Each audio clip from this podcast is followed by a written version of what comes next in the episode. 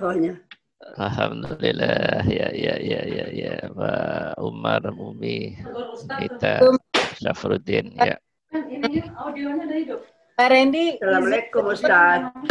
Oh iya iya ya Gunita. Terima kasih Pak. Ya ya. Assalamualaikum Mam.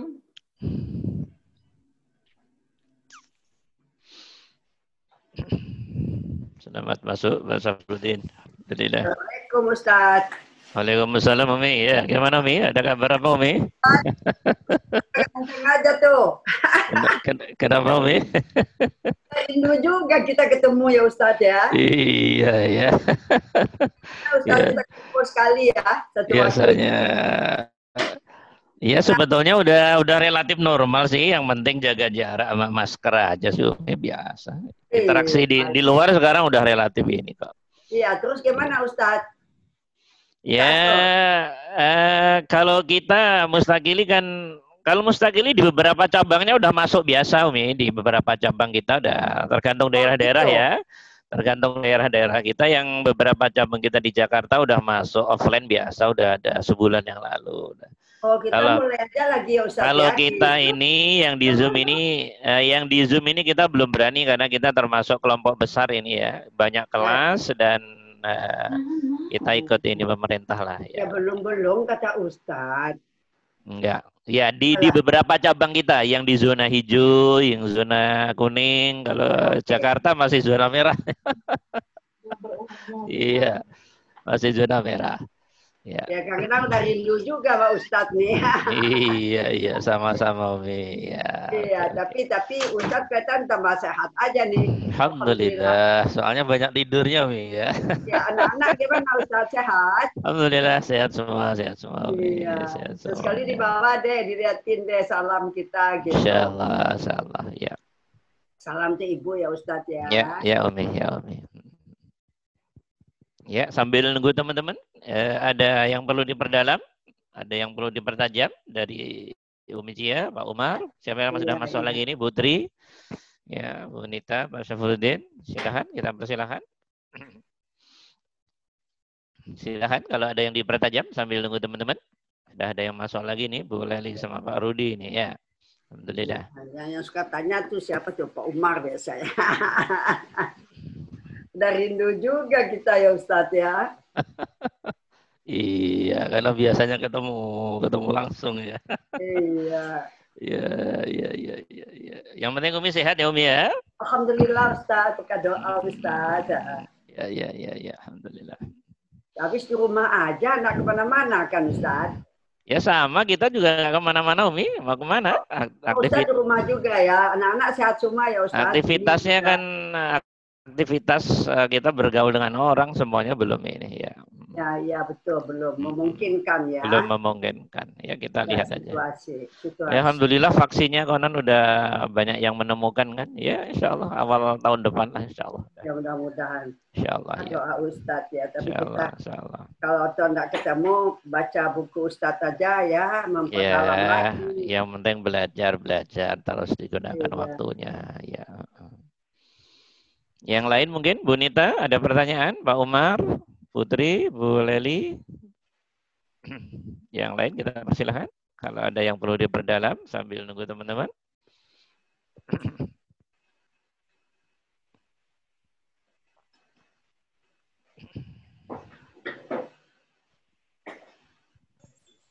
Ya, Assalamualaikum warahmatullahi wabarakatuh.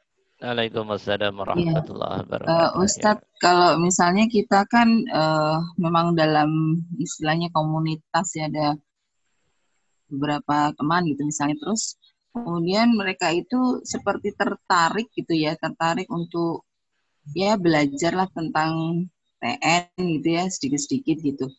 Nah itu kalau misalnya kita terus eh, apa ya seperti mungkin ya ikut me, apa namanya mengajak dalam arti ya mungkin memberikan sedikit pemahaman gitu boleh nggak ya Ustadz? Ya kalau secara teorinya sih boleh-boleh saja teori ilmu itu nggak masalah. Apalagi sudah ada bukunya sih nggak masalah. Iya. Yang jadi repot itu kalau sudah masuk ke substansi. Ya, Itu yang dimaksud kalau belajar tanpa guru, gurunya setan itu kan di situ boleh li zonanya kalau sudah zona substansi itu kan eh, harus sudah eh, pengalaman spiritualnya. Nah, jadi omongannya itu sudah berdasar dari laku. Nah kalau baru teori ilmu saja ya silahkan belajar teori ilmu doang. Oh, iya. Tapi maksudnya ibarat iya. apa ya Jadi baru. Jadi kalau nyampaikan sampai mana Ustaz? Baru membahas. Teorinya itu sampai yang baru membahas baju-bajunya doang ya ya silahkan gitu boleh di tapi kalau udah masuk ke iya. substansi-substansi tentunya kan ya itu tadi perlu perlu inilah perlu ilmu uh, ilmu iya, ilmu betul. inilah makrifatul amalnya itu yang terpenting gitu. Nah sebetulnya teman-teman nanti akan diberitahu oleh Allah manakala hati teman-teman tuh dalam belajar tauhid, dalam belajar TN dan lakunya itu sudah uh, relatif dapat buah dari Allah, pasti juga akan didorong oleh Allah. Sampaikan sampaikan ke orang, pasti begitu di dalam hati akan ngomong begitu. Itu udah perintah dari Allah, nggak bisa ditahan. Kalau uh, buah lakunya sudah sudah relatif uh, ya berbuah dari Allah. Kalau belum, maksud sifatnya masih teori-teori. Maksud Guleli menyampaikan sekemampuannya dalam tataran ya nazariyah ilmunya dan ya, ilmu sesuai kapasitasnya gitu, ya mangga nggak masalah nggak masalah ya mangga nggak masalah ya ya, ya. Terima kasih Ustaz. Ya, ada lagi yang lain kita persilahkan.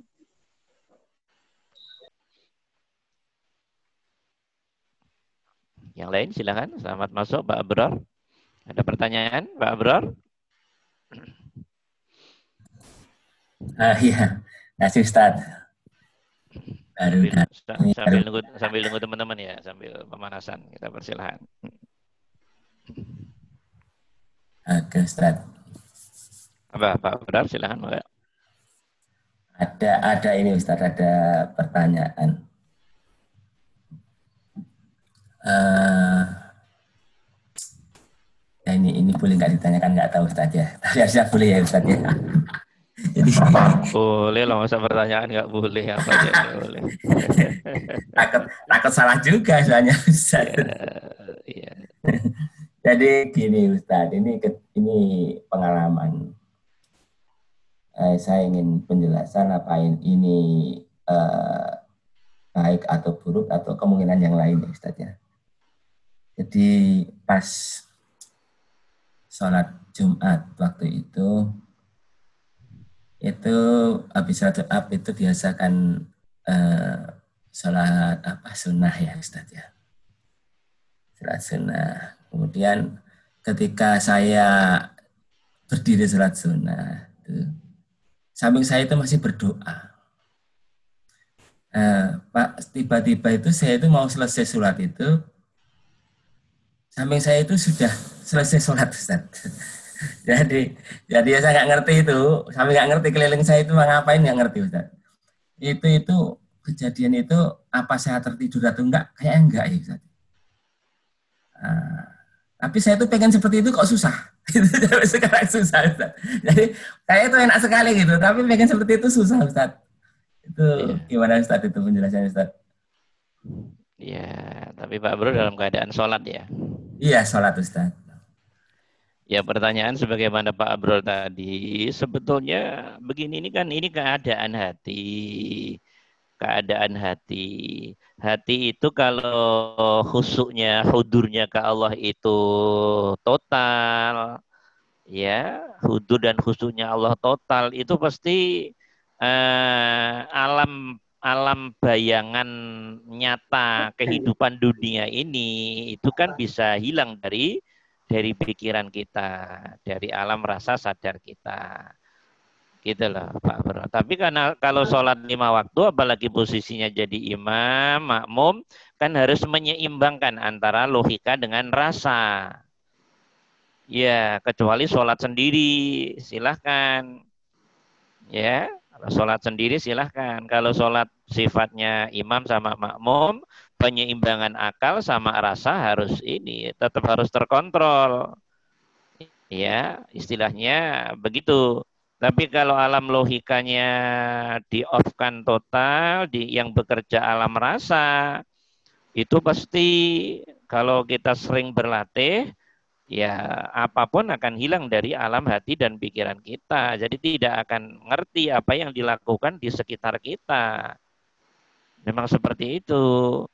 Nah, pengalaman dari Pak Bro tadi nampaknya pengalaman dalam sholat uh, sunnah yang mencoba menitik beratkan uh, apa rasa dalam hati dan mencoba memaksimalkan mengoffkan akal Nah, karena itu maka tidak tahu apa yang terjadi di sekitarnya, termasuk orang yang zikir doa tadi. Tahu-tahu kok begini, tapi satu sisi eh, tidak mampu mengontrol diri apakah saya sebetulnya eh, tidur, apa saya ini khusuk, hudur, atau saya gimana. Nah, itu pengalaman-pengalaman itu, itu pengalaman. Nanti kalau sudah sering-sering begitu akan akan diberi paham oleh Allah. Mana yang kamu tidur, mana yang kamu setengah ngantuk, tidur, setengah tidur. Apa kamu ada di zona kehusuan dan kehuduran Allah? Atau kamu itu nanti akan paham sendiri.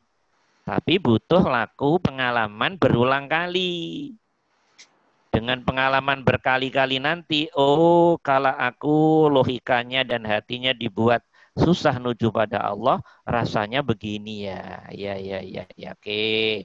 Punya kesimpulan toh dari pengalaman laku tuh. Kemudian oh, kalau mata dipejamin, tapi akal saya kok susah tunduk juga. Tapi hati relatif ini, oh begini rasanya. Kan begitu nanti yang bisa jawab kan pengalaman-pengalaman pembelajaran dari Allah itu pengalaman itu artinya pembelajaran dari Allah. Itu Pak Bro. Cuman mungkin teman-teman aja yang kadang belum mengerti. Loh, kalau saya diberi Allah akal bisa off, ya toh? Akal bisa off. Kemudian hati sudah uh, total hudur ke Allahnya. Lu kok enak. Kayak tidur tapi hati nggak ngomong kalau tidur kayak tidur, tapi logika juga tidak ngomong kalau saya sedang tidur. Karena semua baik dimensi akal maupun dimensi roh, jiwa, hati fresh. Nah, jadi semua bentuk pengalaman ini nanti akan kemudian teman-teman mendapat kefahaman dari Allah.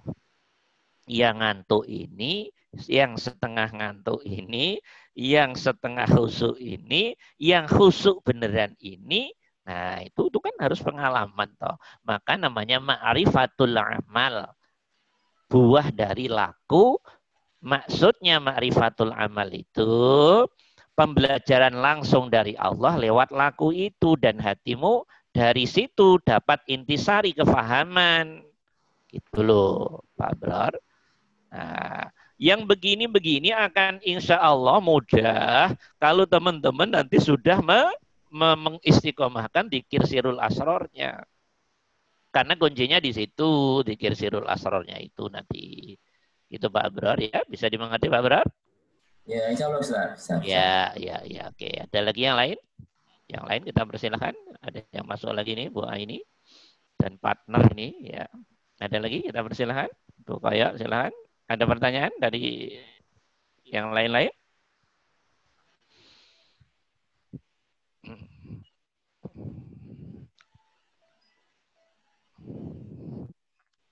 Mangga, ayo.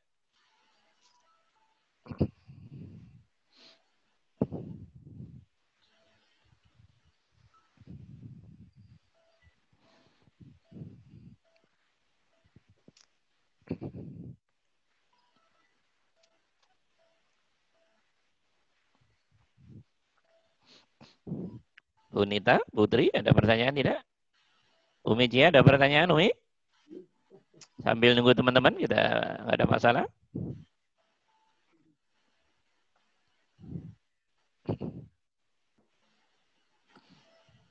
Assalamualaikum. Waalaikumsalam warahmatullahi wabarakatuh. Eh, untuk me, untuk lillahi ta'ala itu agak sulit ya Ustaz ya. Oh iya. Gimana caranya supaya lancar gitu loh? Oke. Hati Ya, oke. lurus ke Allah. Ya oke, sebentar, sebentar.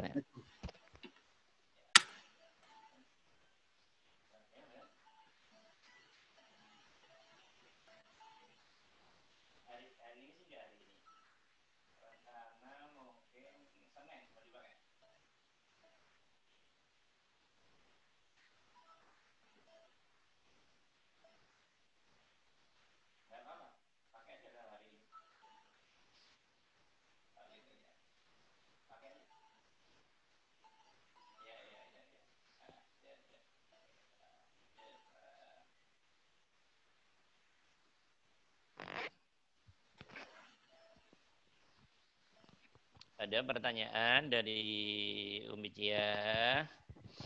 Lillahi ta'ala itu berat ya.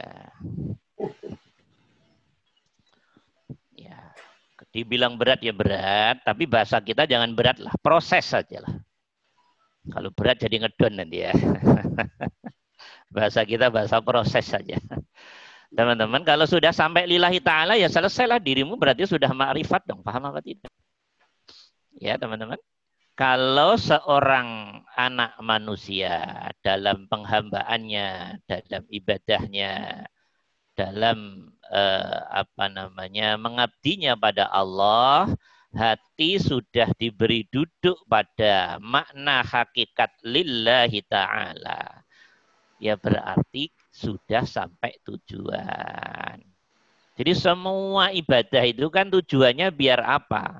Biar lillahi ta'ala lillahi ta'ala dalam pengertian bukan kayak yang di fikih. Aku sholat karena Allah. Maksudnya aku sholat di sini, Allah di sana. Aku setor sholat benar-benar untuk Allah. Kalau itu mah hampir semua orang yang beragama Islam punya pandangan seperti itu. Salah Ustadz? Enggak. Itu itu namanya starting. Ya, itu proses proses perjalanan spiritual ruhiyah secara lafaz diartikan aku sholat karena Allah, aku puasa karena Allah, aku zakat karena Allah, aku teman-teman dari kecil rak begitu terus tah. Ya. Tapi perkembangan hatinya, pikirannya tahu sendiri itu yang ada di dalamnya masing-masing. Nah, ada apa itu? Berarti itu namanya proses. Dan proses ini akan berubah kalau didukung oleh ilmu satu sisi. Amal sisi yang kedua. Amal pun nggak cukup, serampangan-serampangan. Tapi harus punya komitmen yang bagus, namanya istiqomah. Itu loh Umi. Ya, semua ibadah nanti akan ber, berending ke lillahi ta'ala itu sendiri. Lillahi ta'ala dalam pengertian hati didudukkan oleh Allah sendiri. Lewat ilmu amal dan istiqomah. Dari si pelaku amal itu hatinya oleh Allah didudukkan. Bahwa lillah itu dirimu nggak boleh ngeklaim melakukan eh, punya ke, tidak boleh merasa punya keinginan baik. Oke. Dirimu tidak boleh klaim, ego, ngaku-ngaku, merasa menjadi pelaku perbuatan baik itu. Tidak, jangan begitu cara dudukkan hatimu. Nanti akan diterangin Allah sendiri lewat hati. Dan teman-teman bisa bandingin kalau aku duduk yang ingin aku, yang melakukan aku. Keadaan hak spiritualku begini kayak tahun dulu sampai kecil.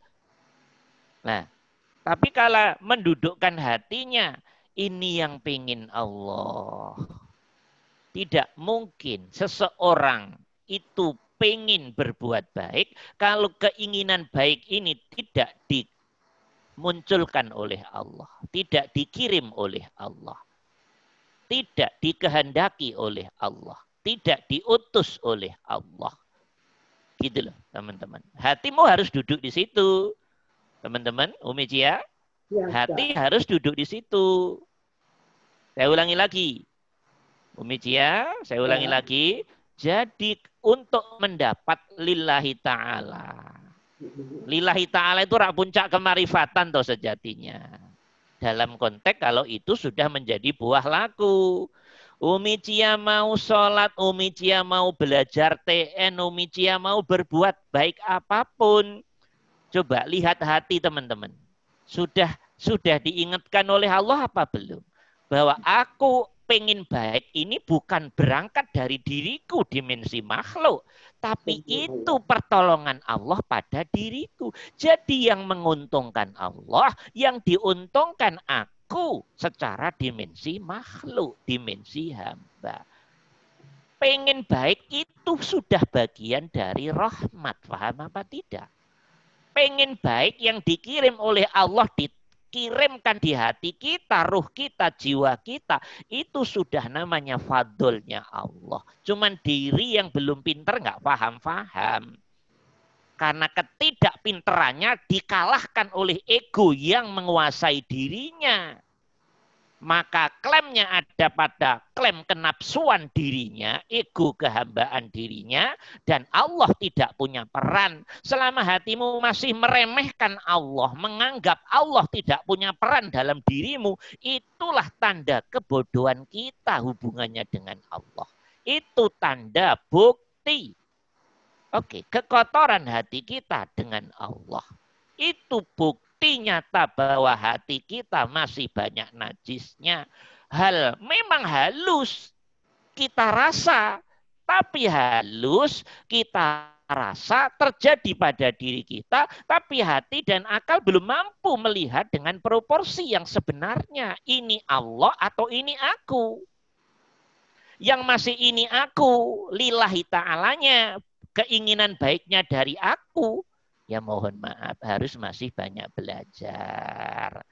Salah Ustadz, dibilang salah ya bisa, dibilang proses ya bisa. Iya, terserahlah itu mah bahasa saja. Tapi bahwa itu masih belum sampai Allah, yes. Faktanya dirimu baru sampai dirimu sendiri dengan alam rasa dan sadarmu tadi belum mampu menangkap peran Allah di dalam dirimu berupa keinginan baik itu. Bisa? Kalau para ahli makrifat sudah tidak begitu. Oh, semua yang berupa keinginan baik yang didetakkan dalam hatiku ternyata yang ngirim Allah tah.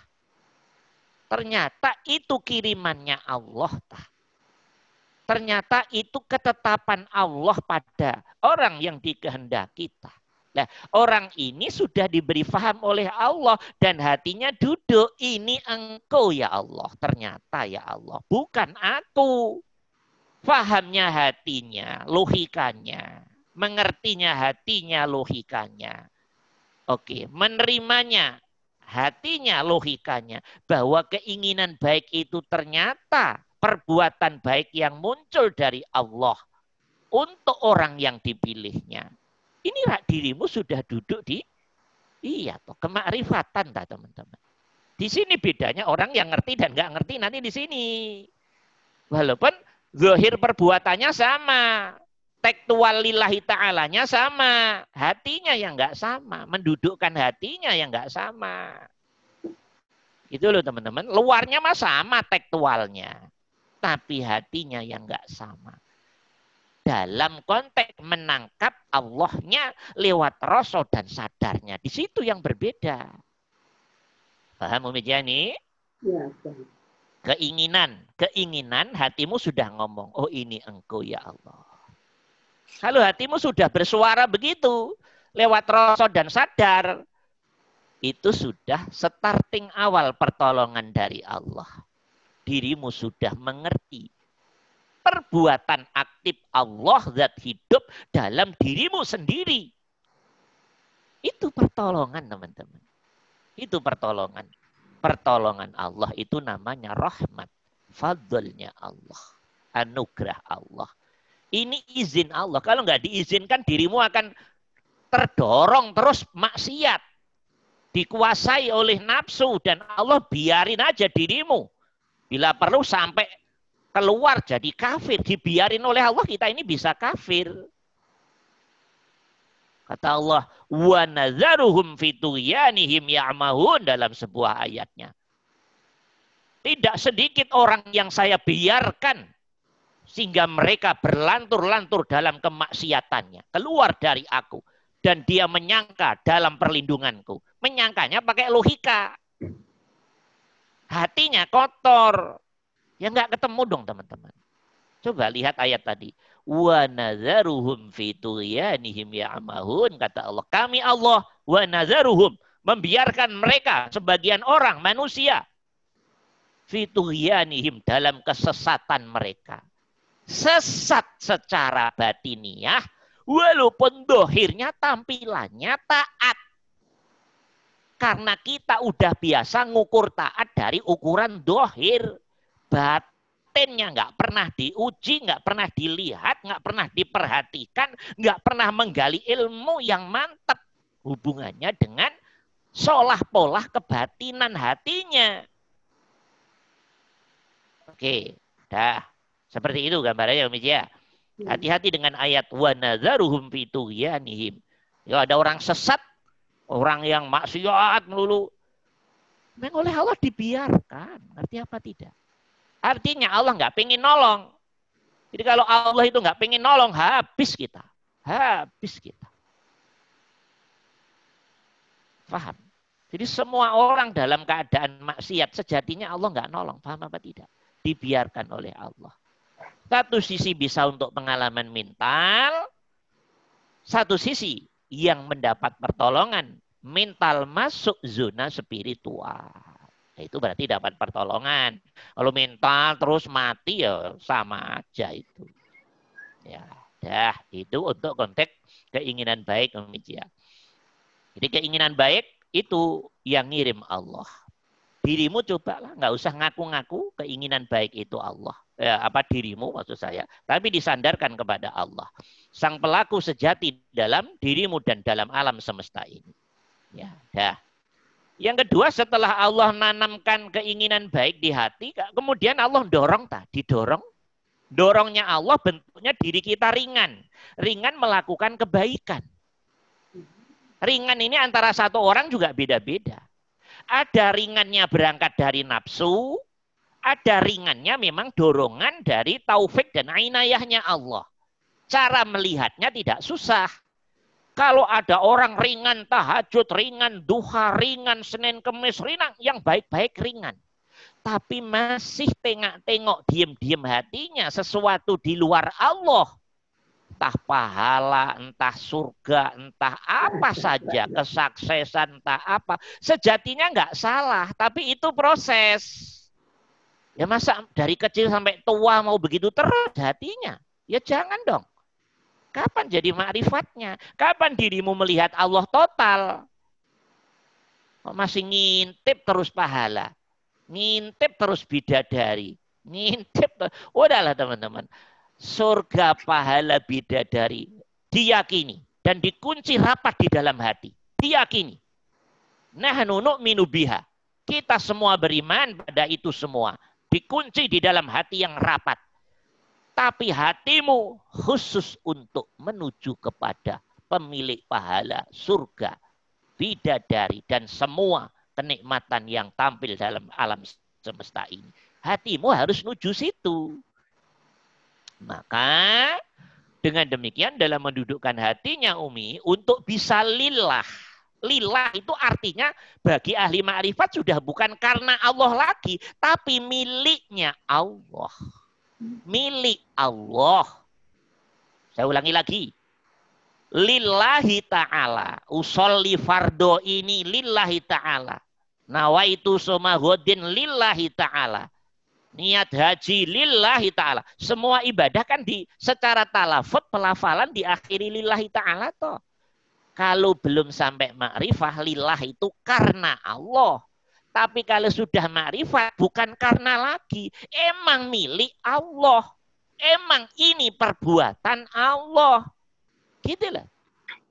Sholat itu sholatnya Allah. Zakat itu zakatnya Allah. Sodako, infak, wakop itu perbuatan Allah. Diri kita ngomong anak, biayain anak, itu perbuatan Allah. Anak berbuat baik pada orang tua, itu lillah, milik Allah, perbuatan Allah. Kita belajar TN, ini milik Allah, perbuatan Allah. Lanjutin sendiri semuanya. Hati kita harus duduk ini hakikatnya perbuatan zat hidup Allah Al-Hayyu Al-Qayyum yang liputin diriku dan alam semesta ini. Dirimu numpang aja di rosok ketunggalannya Allah. Nggak usah dilihat. Walaupun secara tampilan fisikle kita keluar keringat. Walaupun secara fisikle kita ada gerakan. Walaupun secara fisikle Ya, normal fisiknya begitu. Ini kan soal mendudukkan rasa tah, alam rasa dan sadar tah. Baik hati dan pikiran tah. Nah, kalau rasa dan sadar kita sudah benar-benar duduk bahwa perbuatan baik ini hakikatnya Allah dan dirimu numpang di tunggalnya Allah ini, numpang di keakbarannya Allah ini, numpang di kebesaran Allah ini, numpang di kesempurnaan Allah ini, ya sudah benar berarti dirimu nggak kelihatan, yang kelihatan Allahnya di hatimu. Kalau di hatimu dan pikiranmu yang kelihatan peran Allahnya, aktifnya Allah. Oke? Okay? Dan dirimu nggak kelihatan, ya itu berarti dirimu sudah sampai zona lillahi ta'ala. Sudah nggak bisa dipisah dirimu dan Allah. Karena dirimu sudah melebur di ketunggalan Allah yang meliputi alam semesta kita termasuk dirimu sendiri. Jadi dirimu sudah tidak mampu membedakan di alam rasa tadi mana diriku, mana dirimu. Karena dirimu itu debu dan sudah menyatu di kebesaran. Triliunan debu, ini bahasa sastranya begitu. Dirimu sudah hilang di situ. Karena alam rasa dan sadar kita sudah dipenuhi Allahnya. Bisa dimengerti ini? Begitu Media. ya, ya berat. Kalau ya. dibilang berat ya berat. Iya, memang sebetulnya semua puncak ibadah itu lillahi ta'ala. Kalau lillahi ta'alanya ahli fikih, soli lillahi ta'ala. Itu mah anak Pak Ud juga bisa lah, nggak usah S1, S2 apaan. Anak Pak Ud hari kedua aja bisa itu. Ya, ya. Nggak usah terlalu gede-gede, apalagi SD, TK aja udah bisa itu. Ya, gitu ya. Ini urusan hati, bukan urusan talafut, pelafalan. Jadi lillahi ta'ala itu urusan hati, perbuatan hati. Bagaimana duduknya hati kita, pikiran kita. Kalau hati dan pikiran sudah klop, sistem tubuh lahir batin pasti satu rosok, satu kesadaran. Karena sistem itu kan ngikuti hati dan pikiran aja tuh sejatinya. Nah, gitu loh, Mi. Kalau ya. hati sudah duduk, ini engkau yang ingin ya Allah. Yang pelakunya hakikatnya engkau. Ya sudah dirimu udah sampai tujuan berarti sudah. Lillahi ta'alanya udah lulus. Kalau teman-teman udah masuk zona ini, sudah akan ngerti faham siapa sejatinya Allah ini. Dan kayak apa rasanya ketemu Allah. Oh surga itu begini tak? Itu nanti sudah diberi faham oleh Allah. Oh makna atina fid dunia hasanah itu ini tah. Hatimu dikabarin oleh Allah dari dalam hati. Oh ini ya ya ya ya Allah. Siap ya Allah. Siap. Begitu. Itulah nanti yang dimaksud oleh Allah. Puncaknya orang yang eh, menuju ke Allah kala dia berjalan, hakikatnya yang jalan Allah. Paham apa enggak? Dirimu berjalan, kita berjalan. Tapi hakikatnya yang jalan Allah. Karena dirimu sudah enggak ngerasa dirimu. Karena itu ngerasa perannya Allah. Kemakhlukannya sudah tidak lebih tinggi dari peran Allah. Kalau kalau belum jadi kan Allah masih terkalahkan oleh ego kita. Ego ketuhanannya kita lemahkan, ego kita yang tinggi yang diangkat. Kalau itu namanya masih nafsiyah amaroh. Nah kalau ego Allahnya yang tinggi, egomu yang rendah, lah itu sudah jadi. Rendah itu maksudnya melebur, menyatu, terserap, hilang. Karena kuatnya ego, ego rububiyah, ego ilahiyah, rasa dan kesadaran ketuhanan yang menguasai dirimu sudah sangat kuat dan dirimu hilang di telan rasa kuatnya rasa Allah dan uh, apa sadarnya Allah tadi. Nah, kalau sudah begitu itu yang dimaksud oleh Allah. Dia melempar yang lempar Allah. Dia mendengar yang dengar Allah.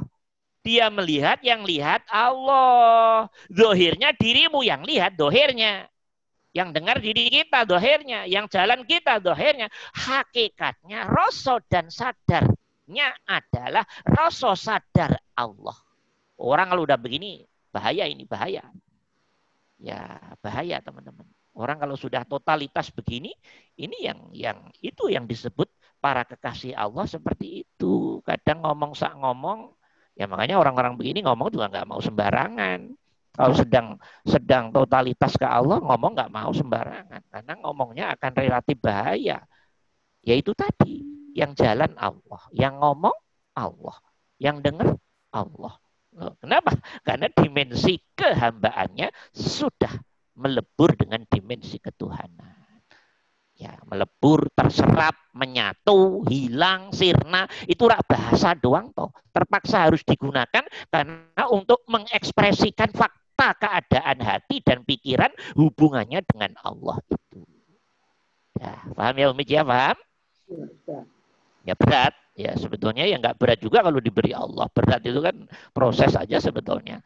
Ya. Kalau teman-teman kalau teman-teman sering mengamalkan uh, dikir sirul asrornya, terus TN-nya difahami terus dengan dalam, insya Allah banyak futuhat dibuka dari dari oleh Allah dari situ nanti. Nggak berat juga.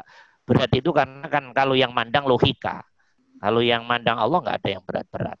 Ya, begitu ya. diberi Allah, oh gini toh, oh gini. Ya, diri hanya kaget-kaget aja. Ya. Bukan nggak berat, jadi itu kan uh, memakan waktu ya. Oh iya. Oma. Ya, benar, benar Umi, benar.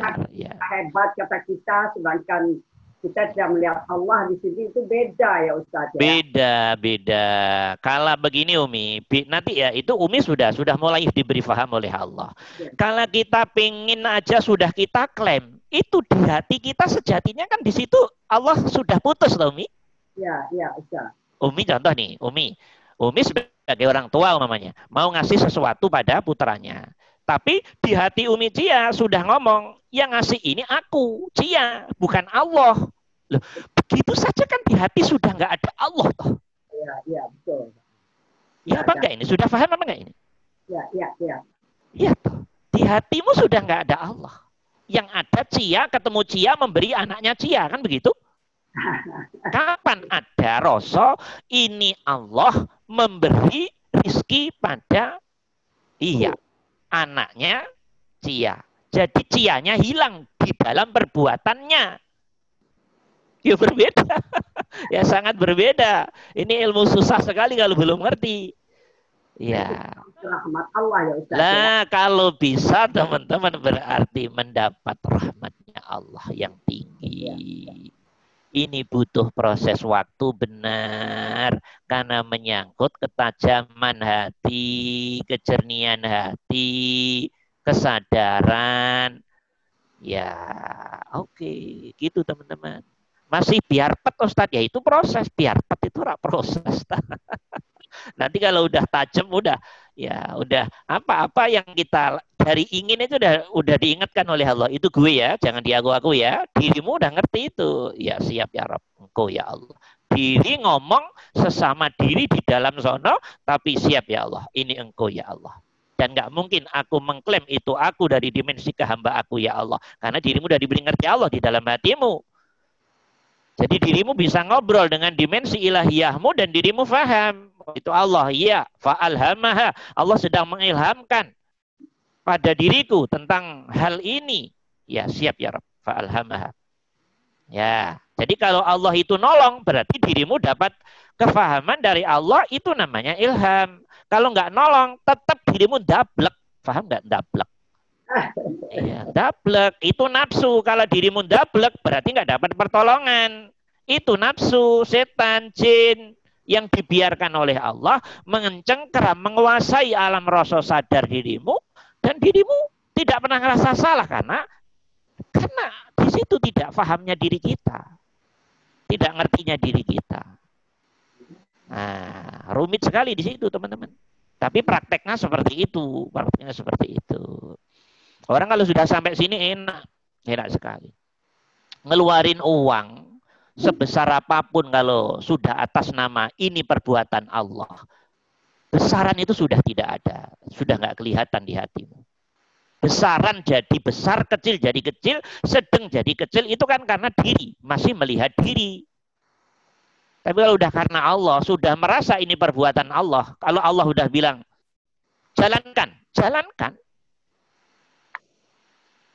Seperti itu gambarannya. Oke. Nah, ingin. Jadi ingin baik itu adalah sejatinya perbuatan Allah.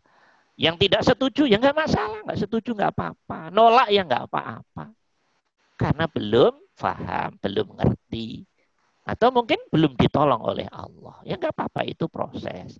Artinya kalau nanti di luar sana ada orang nggak nggak nggak apaan nanti pengen baik kok Allah, Lah, terus fungsi diri kita di mana? Nah, orang kan ngomong nggak usah dilayani capek. Apa-apa kalau belum sampai diajak berantem ya tambah diri kita yang nggak pinter. Ilmu TN bukan ilmu untuk berantem, ilmu untuk kita amalkan, kita lakukan biar dapat buah. Nggak usah berantem untuk apa berantem. Masing-masing orang akan berjalan sesuai dengan kehendak Allah nanti. Biar yang belum menerima ya monggo, yang benci ya monggo, yang anti ya monggo, nggak masalah. Nggak masalah. Sudah ngerasa cukup dengan fikihnya ya monggo. Nanti dibuktikan di akhirat aja lah. Ya, di dunia belum bisa pembuktian di dunia secara ilmiah susah. Kalau ilmiah itu tempatnya berantem kok. Tapi hatimu kan bisa melihat hatimu. Ya toh. Begitu. Paham ya Umijia ya? Ya, dah. Itu pertanyaan Umijia tadi. Bagaimana untuk bisa lillahi ta'ala? Kalau udah bisa lillahi ta'ala berarti sudah ma'rifat. Sudah ma'rifat. Dan berarti teman-teman dipilih menjadi kekasihnya Allah. Kalau lillahi ta'ala dalam pengertian yang saya sampaikan tadi. Luar biasa. Jadi intinya sebetulnya bahasa kita ngaji capek-capek puluhan tahun itu bagaimana biar hati bisa duduk di lillahi ta'ala. Bahasa lainnya bagaimana biar ma'rifah. Bahasa lainnya bagaimana biar ihsan. Cuman kadang teman-teman nggak paham aneka istilah ini. Itu satu, itu satu, satu. Lalu udah diajarin Allah, udah ngerti semua. Oh ternyata buahnya istilah satu doang ternyata. Ya, bahkan 30 juz Quran lo temunya satu, Allah doang. ya, dah gitu. Cuman kalau belum sampai ya Masya Allah, rawat urusannya. Merangkai antara satu dengan yang lain itu kayak sendiri-sendiri semua. Ternyata tidak. Itu proses saja. Ya, dah oke okay, Umi? Ya, dah. Kita lanjutin ya materi kita. Ya. Pintu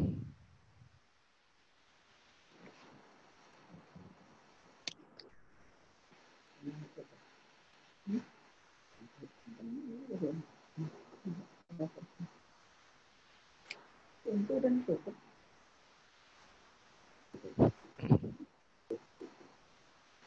Pintu luar ini ya. Udah itu AC hidup, oh. Oh ya. Atau yang lain ada yang belum puas dari pertanyaan Umi Cia tadi? Ada yang perlu di apa gitu? Kita persilahkan sebelum kita masuk ke materi baru. Hmm.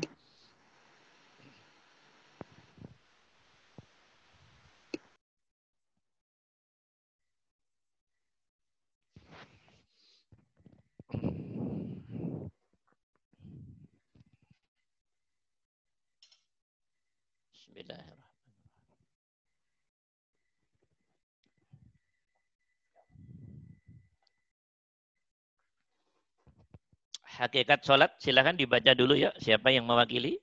Pak Brar, Pak Brar ya. Mana teman-teman yang lain tadi? Ayo. Pak Brar, diwakili membaca dulu Pak Brar. Ya, maka.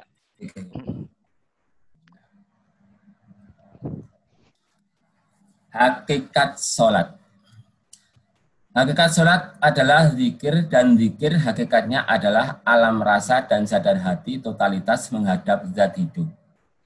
Oleh karena itu, hamba bisa sholat dalam pengertian yang luas melalui aktivitas apa pun dan kapan, kapan pun dalam tiap napasnya.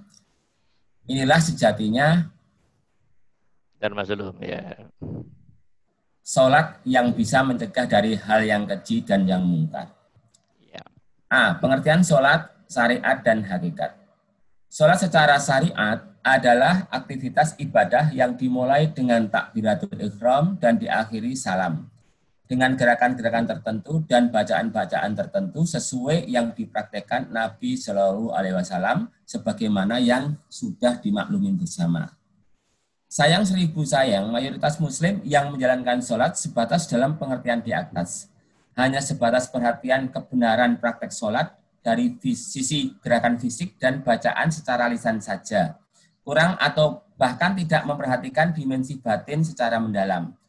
Bahkan tidak mau belajar lebih jauh terkait dimensi batin, roh, jiwa, hati. Kaitannya tentang substansi sholat dan seluruh dimensi ibadah apa pun bentuknya. Karena secara lahir merasa sudah sesuai dengan praktek dan bacaan Nabi Shallallahu Alaihi Wasallam dan merasa sudah cukup dan puas dengan hal tersebut. Diyakininya itu sudah puncak kebenaran dalam sholat. Dalam bahasa lainnya, hanya memandang sholat dari dimensi syariat, tata lahir terkait kebenaran gerakan fisik dan bacaan saja, tetapi mayoritas menyam, menyampaikan bahkan tidak sedikit yang menafikan dimensi hakikat atau tata kelola hati terkait kebenaran gerak-gerik hati hubungannya dengan Allah Subhanahu wa taala. Jadi lebih melihat sholat dan ibadah apa pun dari sisi peran lahir dan menyampaikan dimensi hakikat peran batin tauhid total.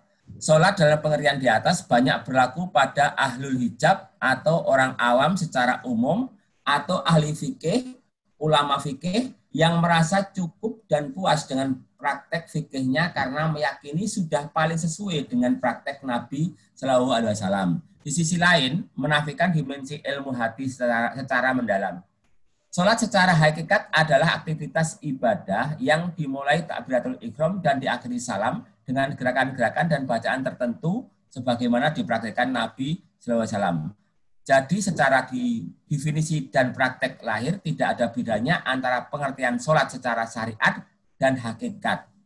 Hanya saja pandangan ini tidak hanya meniru Nabi dari sisi gerakan fisik dan bacaan saja, tetapi juga sangat memperhatikan memperhatikan dimensi batin, roh, jiwa, hati bahkan secara hakikat melihat bahwa sholat sejatinya dan intisarinya adalah perbuatan hati, roh, atau jiwa yang menjadi substansi inti dari sholat itu sendiri. Oleh karena itu, sholat yang tidak bermakna hakikat sejatinya adalah masih dalam tipuan nafsu.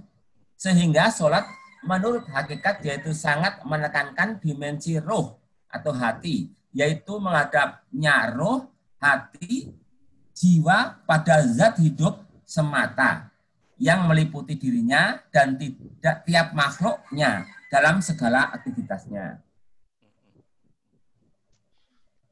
Adapun gerakan-gerakan dan bacaan-bacaan dalam sholat adalah lebih pada prosedural tata lahir saja, dimensi syariat saja, etika lahir saja.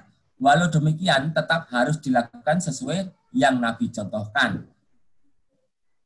Ini sudah clear dan tidak ada yang perlu dibahas. Perhatikan dengan seksama ayat-ayat berikut yang benar-benar menitik beratkan sholat dari dimensi hati atau roh atau jiwa. Dalam sholat dan ibadah secara umum dengan tetap memperhatikan kebenaran tata lahir syariat dan bukan sebaliknya. Artinya, peliharalah semua sholat dan sholat wusto, asar, dan dirikanlah sholat karena Allah sembari dalam keadaan kusuk, kudur total ke Allah subhanahu wa ta'ala, hati merasa dan menyadari bahwa hakikat pelaku adalah hidup dan dimensi kehambaannya silem di samudra tauhidnya. di samudra tauhidnya Allah Subhanahu wa taala. Sehingga yang kelihatan di alam rasa dan sadar hati hanya Allah Subhanahu wa taala. Mm, Banyak ya, banyak ayat ya. Terus dilewati aja, nggak apa-apa. Sudah pernah dibahas secara ayat. Terus Oke. berikutnya, terus, terus, terus, terus, terus, terus, terus. Ya, oke. Dari beberapa ayat di atas, silahkan. Dari beberapa ayat di atas, eh, lanjutnya, menghambalah kalian semua, ibadahlah, mengabdilah, sembahlah pada Tuhan kalian yang telah menciptakan kalian. Dari beberapa ayat di atas sangat jelas dan tidak terbantahkan lagi bahwa Allah taala menginginkan agar dalam setiap penghambaan padanya dalam 24 jam hambanya benar-benar hatinya rohnya menghadap total pada Allah Subhanahu wa taala atau alam rasa dan sadarnya hanya merasa tentang Allah Subhanahu wa taala yang menjadi tujuan dan sandarannya serta tempat penghambaan atau alam rasa dan sadarnya merasa bahwa hakikatnya dimensi kehambaannya tidak merasa menjadi pelaku hakiki tiap penghambaan. Akan tetapi pelaku dan sumber hakiki pelakunya adalah hidup yang meliputi dan mengendalikan hamba tersebut. Sementara dimensi kehambaannya silem pada samudera tauhidnya Allah Subhanahu wa taala. Inilah hakikatnya ikhlas ketika seorang hamba sudah merasa tidak menjadi pelaku kebaikan karena memang pada hakikatnya daya dan kekuatan energi yang digunakan adalah energinya Sang Maha Hidup. Hidayah, taufik, dan inayahnya Sang Maha Hidup, serta rahmat dan fadolnya hidup itu sendiri. Ya oke udah cukup ini dulu aja ini dulu pengantar dulu aja. Hmm. Urusan sholat ini akan kita bahas panjang lebar teman-teman biar ya mudah-mudahan kita bisa apa namanya eh, masuk ke zona sholat dari sisi kehusuan, kehuduran, kemarifatan ya.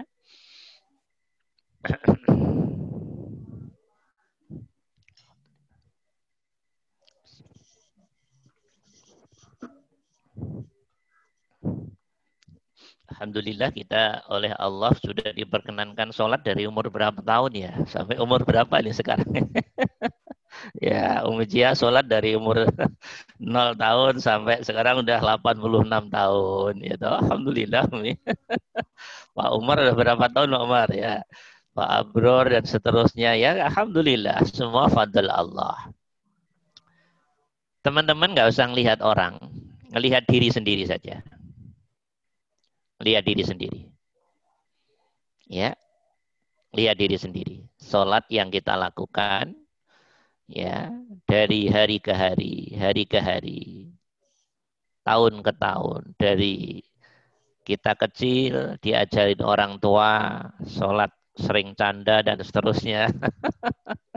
ya, sampai sekarang ya bagaimana? Pasti ada perbedaan-perbedaan. Nah, sekarang gini aja deh, nggak usah panjang lebar. Sholat itu sejatinya apa? Ini yang perlu kita bahas. Saya tidak akan membahas syariat. Oh, sholat rukunnya ini, batalnya ini, syarat sahnya ini. Ya toh, itu sudah selesai itu. Di bangku SD aja sudah selesai itu. Ditambah SMP apalagi ya. nah, itu maklum lah kalau itu sepakat teman-teman sudah nggak ada clear ya nggak ada masalah itu mazhab apa pun clear partai apa pun clear ya toh dah itu udah pinter semua. Itu nggak kita bahas. Nggak kita bahas. Nggak akan kita bahas. Itu namanya sholat ditinjau dari sisi syariat fikih. Cuman coba teman-teman lihat.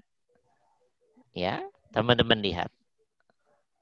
Puluhan tahun perjalanan kita secara spiritual menuju Allah lewat sholat itu perubahan mendasar di hati bagaimana? Perkembangan demi perkembangan di hati bagaimana? Kemudian coba kita hubungkan sholat jalan, tapi begitu keluar sholat apa? Tingkah laku hati, pikiran kita dalam bentuk ekspresi lahir kita. Ayo, kita lihat. Kenapa sholat jalan terus? Ya toh? Tapi kegundahan hati juga jalan terus. Kenapa sholat jalan terus? Kekhawatiran-kekhawatiran, takut-takut demi takut di hati. Jalan terus. Sholat jalan terus. Tapi emosi tidak tambah terkontrol. Kenapa itu? Sholat jalan terus. Tapi tidak percayanya pada Allah. Hubungannya dengan rizki. Hubungannya dengan anakku nanti jadi apa. Hubungannya tentang keadaan keluargaku gimana. Hati juga masih meragukan Allah juga. Sholat jalan terus tapi ya. Sholatnya jalan terus tapi. Iya, iya, iya. Sholat jalan terus. Tapi kenapa di hati juga berkecamuk mintanya yang enak-enak terus. Sementara kalau akan terjadi hal yang tidak enak, hatimu lewat eh, pengaruh nafsumu ditolak dulu sebelum Allah ngirim aja udah ditolak dulu. Ya, nggak mau sakit, nggak mau, ya nggak enak-enak pokoknya nggak mau. Dan itu terjadi pada diri kita yang setiap hari sholat. Sholat, sholat. Tapi Allah belum ber berbuat saja, sudah kita atur-atur duluan Allah. Oleh kita. Ya, sholat, sholat. Sholat, sholat. Tapi kenapa kita juga semua perbuatan yang berlaku pada diri kita ternyata belum mampu berkesadaran dan berasa Allah. Balik tambah gede egonya setiap perbuatan baiknya. Klaim dirinya, klaim jasa, ego kehambaannya. Semakin gede. Bukannya Allah yang lebih gede di hatimu dan pikiranmu. Tapi dirimu yang semakin lebih gede daripada Allah. Terus Allahu Akbarmu di mana? Enggak cocok dong Allahu Akbar. Dengan fakta hatimu yang ternyata dirimu lebih gede daripada ucapan kita yang selalu mengatakan Allahu Akbar. Kok enggak cocok semua antara zohir batin kita ini gimana ini sejatinya? Ngakui satu sisi setiap sholat. Hanya engkau yang maha gede, yang besar ya Allah. Yang maha agung, yang maha sempurna. Tapi dikit-dikit muncul. Baru berbuat baik apa. Diri kehambaannya. Lebih melampaui kebesarannya. Rasa dan kesadaran kebesarannya. Dari rasa dan kesadaran kebesarannya Allah. Ayo kita lihat diri kita dulu. Kenapa kok bisa begini? Ini ada apa sejatinya ini? Nah, gitu teman-teman. Oke. Sholat jalan terus. Tapi kenapa ketika terjadi hal yang tidak enak, kok diri protesnya masih kenceng banget untuk menolak kejadian yang tidak enak itu? Kenapa ban mobil bocor ini terjadi? Hatimu nolak itu kok. Kenapa anakku sakit? Hatimu nolak itu kok. Kenapa? Kenapa? Kenapa? Hatimu nolak itu semua kok. Tiap hari sholat. Puluhan tahun. Faseh-faseh. Tapi lesan hatimu selalu tidak mengerti Allah itu sendiri. Kapan hati duduk begitu ini engkau ya Allah. Loh. Sholat. Tapi fakta hatinya masih amburadul seperti itu. Oke. Sholat, sholat. Tapi begitu ada hal yang enak-enak. Klaim dirinya juga lebih kenceng daripada Allahnya. Jadi Sejatinya Allah yang mana yang kita maksud dalam hati kita ini? Allah yang tektual kul huwallahu Itu rak mulut teman-teman. Itu rak mulut tak. Tapi kenapa hati masih berantakan semua ini? Sholat, sholat. Tapi tidur masih ngerasa tidur sendiri kok. Bangun ngerasa bangun sendiri kok. Di mana Tuhanmu yang katanya menidurkanmu dan membangunkanmu? Punyakah kita Tuhan yang kita yakini, kita rasa, kita sadari bahwa dia yang membangunkan dan menidurkan kita. Tapi fakta hatimu masih ngomong, aku tidur sendiri. Fakta hatimu masih ngomong, aku bangun sendiri. Mulutmu ngomong begitu, hatimu selaras dengan mulutmu yang menjadi ekspresi hatimu. Sholat yang mana yang kita maksud? Ayo. Oke. Sholat, sholat. Tapi makan minum enggak ada rasa kalau makan minum itu milik Allah dan engkau sedang dan telah diberi makan dan minum Allah kok. Diri baru faham praktek Bismillahirrahmanirrahim. Selesai Alhamdulillah. Lumayan, lumayan. Itu mulut teman-teman. Itu mulut teman-teman. Hatimu sadar apa tidak? Makanan apa pun yang kamu makan itu miliknya Allah. Itu nikmatnya Allah. Allah sedang dan telah berbuat baik pada dimensi kemakhlukan kita. Lewat makanan yang kita makan, minuman yang kita minum.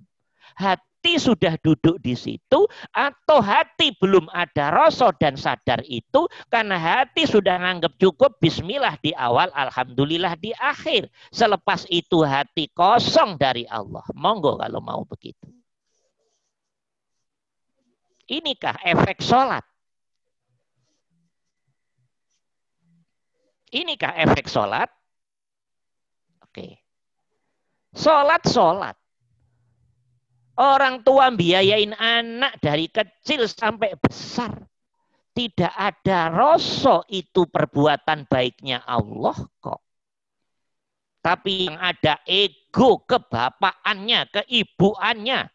Aku bapak yang sudah berjasa padamu. Ibu yang sudah berjasa padamu. Jadi sifat kebaikan nikmatnya Allah diambil alih oleh alam rasa sadar hati bapak dan ibu atas nama kebapaan dan keibuannya. Berarti dia mengambil Allah, kebaikan nikmatnya Allah yang telah berbuat baik kepada titipan-titipannya yang namanya anak-anak kita tadi. Hatimu duduk di mana? Mana Allah yang kita maksud? Allah yang tekstual doang di mulut? Atau Allah yang di hati belum muncul? Nah, coba. Kita harus mulai pintar. Saya sengaja tidak mulai materi. Tapi saya ingin mancing teman-teman biar cerdas. Iya. Sholat-sholat. Anak berbuat baik pada orang tua saja, hitungannya sudah jasa. Hitungannya sudah aku berbuat baik kepada orang tuaku. Kapan Allah nolong orang tua kita? Kapan Allah nolong orang tua orang tua kita? Karena yang nolong dirimu terus sebagai anak. Seperti itulah Tuhan di hatimu, di mulut ngomong Allah, di hati prakteknya tidak Allah. Karena hatimu belum duduk pada makna lillahi ta'ala. Oke. Ya. Sholat sih sholat. Para suami yang budiman yang tiap hari nyari duit, merasa egonya setinggi langit kok yang ngidupin istri aku suami. Yang ngidupin anak-anak aku suami. Dan dalam rasa sadarmu dan lintasan pikiranmu tidak ada peran Allah di situ. Tuhan yang mana yang kamu maksud, yang kamu sembah dalam konteks ini? Allah yang mana? Saya tanya di sini. Di mana letak Allahmu, perannya? Yang mengendalikan dirimu dan kehidupan ini. Yang berbuat baik pada dirimu dan kehidupan ini. Allah yang mana? Di mana letaknya perbuatan baiknya Allah pada dirimu? Kalau dirimu sudah mengklaim itu kebaikan dirimu. Para suami.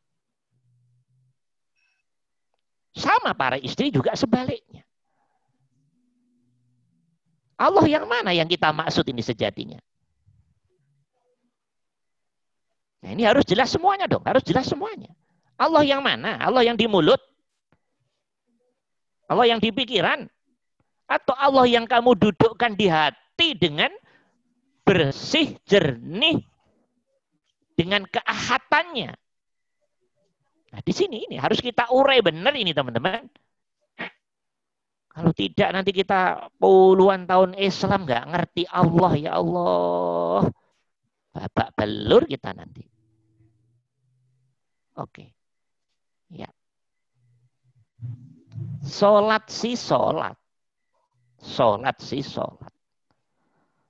Tapi kenapa diri kita selalu pengen manja yang enak-enak saja? tidak mau menerima yang mengecewakan diri kita. Karena maunya yang enak, tidak mau yang mengecewakan, tidak mau yang bersifat tidak enak. Berarti dirimu sudah ngomong pada Allah. Engkau nggak perlu mengajari aku ya Allah. Karena Allah untuk ngajarin dirimu pasti harus lewat enak dan tidak enak. Yang kamu inginkan dan tidak kamu inginkan. Kalau kamu maunya yang enak doang, yang enak terus, yang sesuai keinginan hawa nafsumu terus, berarti diri sudah menyetop peran Allah Nggak usah ngajarin saya tentang hal yang lain ya Allah. Sama dengan diri ngomong seperti itu pada Allah. Sangat tidak sopan sekali pada Allah. Padahal harus terjadi yang diinginkan dan tidak diinginkan. Kedua-duanya harus berkesadaran sama-sama dari Allah. Dan harus bisa mengambil hikmah. Ini adalah pendidikan dan pengajaran dari Allah untuk kematangan mental dan spiritual kita. Tapi umumnya orang sudah menolak sebelum datang. Ini terjadi. Monggo kalau punya pandangan seperti itu. Sholat si sholat, tapi tidak pernah sadar. Tenaga yang dia gunakan untuk bekerja, berjalan, makan, minum, bergerak, tersenyum, tertawa, berpikir, semua pergerakan dalam tubuh kita itu bukan kita yang megang. Itu bukan kita yang memanage. Tapi kenapa kita selalu ada klaim rasa sadar pikiran. Itu semuanya kita. Itu semuanya kita. Bisa pipis sendiri. Bisa BAB sendiri. Bisa tersenyum sendiri. Bisa tawa sendiri. Bisa dengar sendiri bisa melihat sendiri. Apa buktinya kok begitu? Di hatimu tidak ada pengakuan kalau ini semua hakikatnya adalah pancaran sifat hidupnya Allah yang berefek pada sifat kehambaan kita. Pertanyaannya, Allah yang mana yang teman-teman maksud di hati dan pikiran itu? Tuhan mana? Allah yang mana yang dimaksud Tuhanmu itu?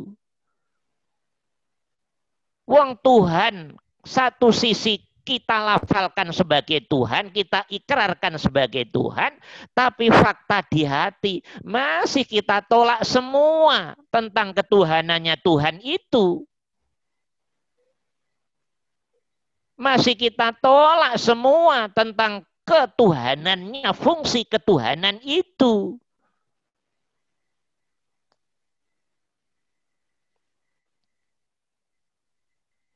Jadi gunain tenaganya Allah, nggak ngerasa tenaganya Allah. Oke.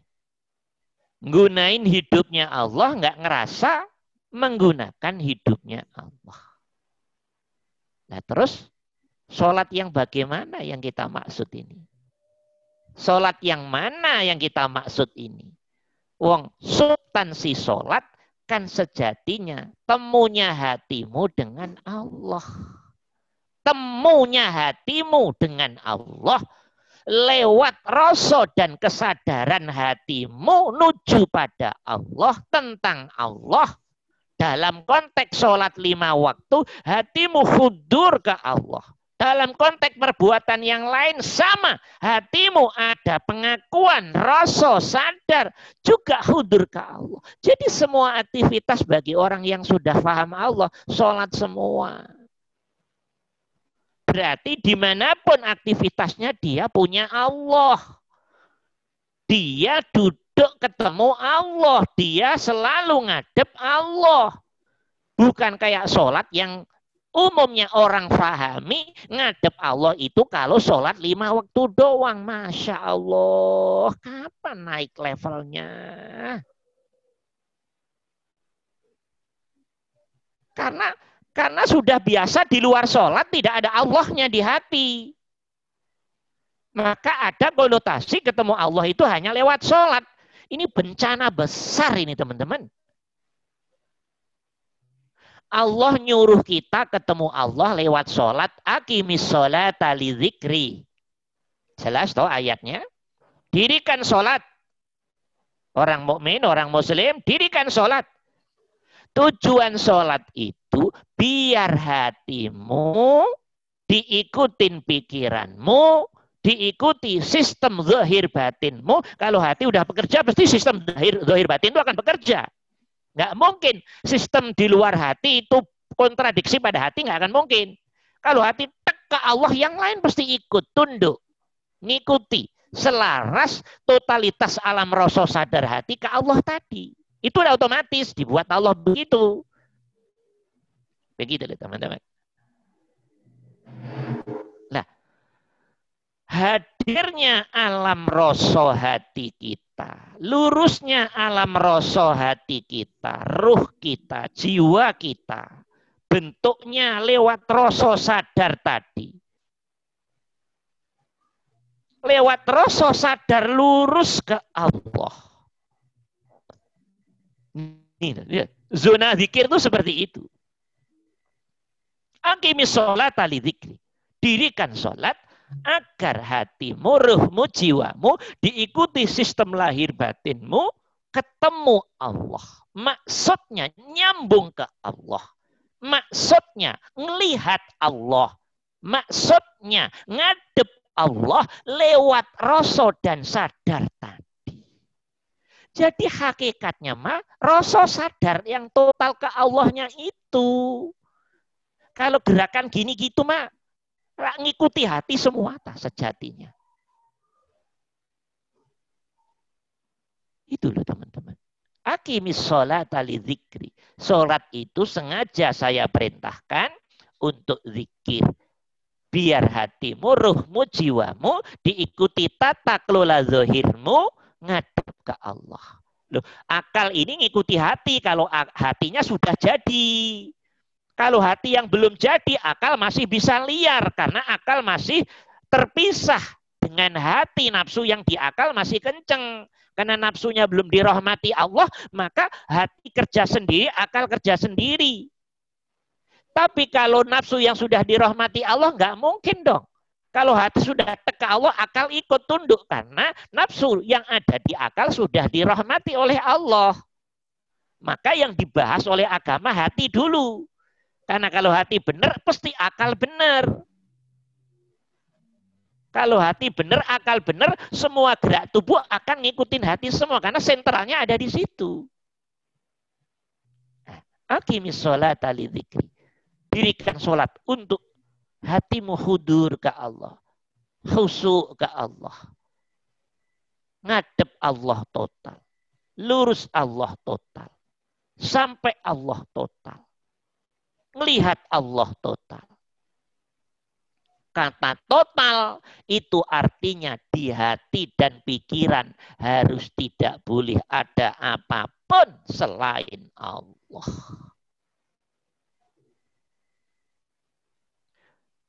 Berarti tujuan sholat apa Ustaz? Tujuan sholat ya nyambungnya itu tadi. Tapi harus total. Kalau tidak total, siapa pun orangnya, umur berapapun, dia belum akan faham makna khusuk. Jadi khusuk itu nyambung tapi total.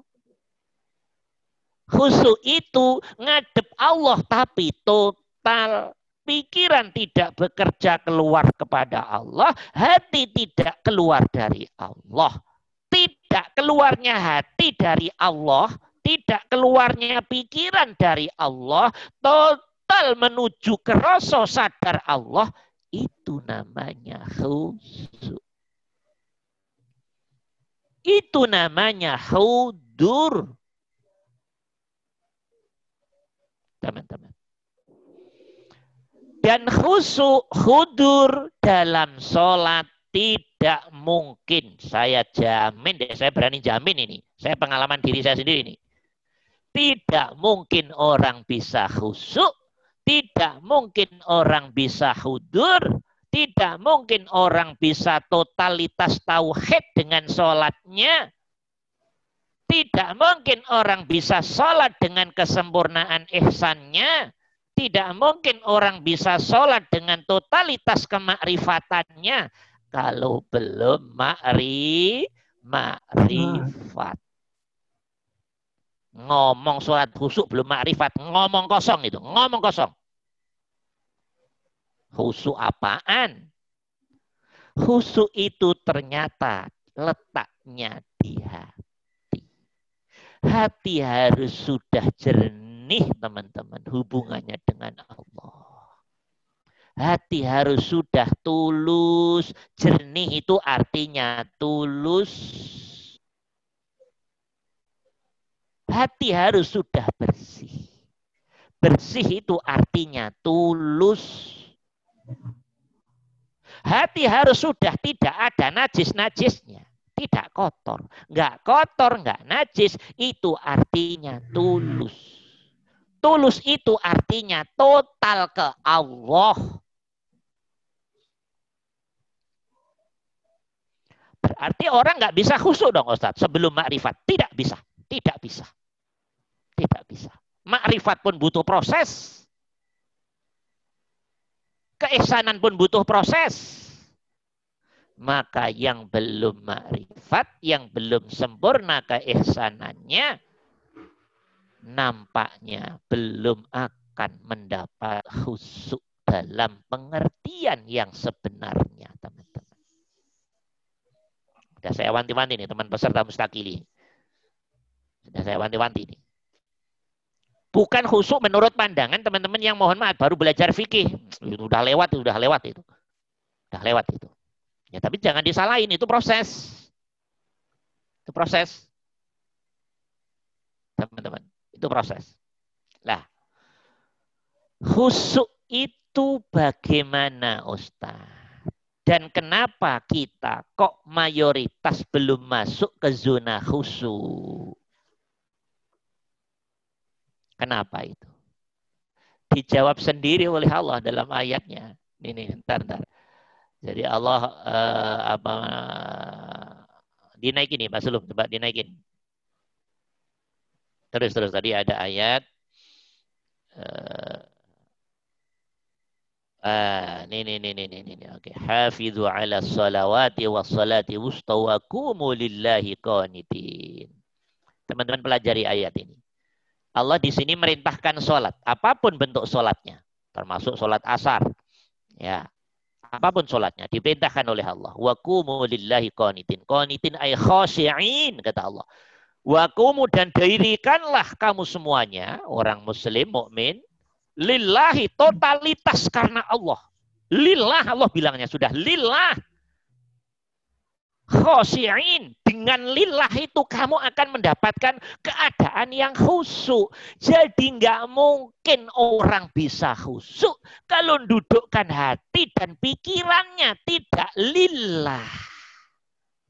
Bukan lillah dalam pengertian karena Allah itu rak proses ta yang kayak saya ceritakan di pertanyaan Umi Cia tadi bukan itu yang dimaksud. Bukan lillah yang kayak umumnya orang karena Allah. Li Allah itu mana? TK juga bisa dong. Bukannya kita dari TK udah begitu terus dari sekarang sampai sekarang? Bukan itu yang dimaksud oleh Allah. Wa kumulillah.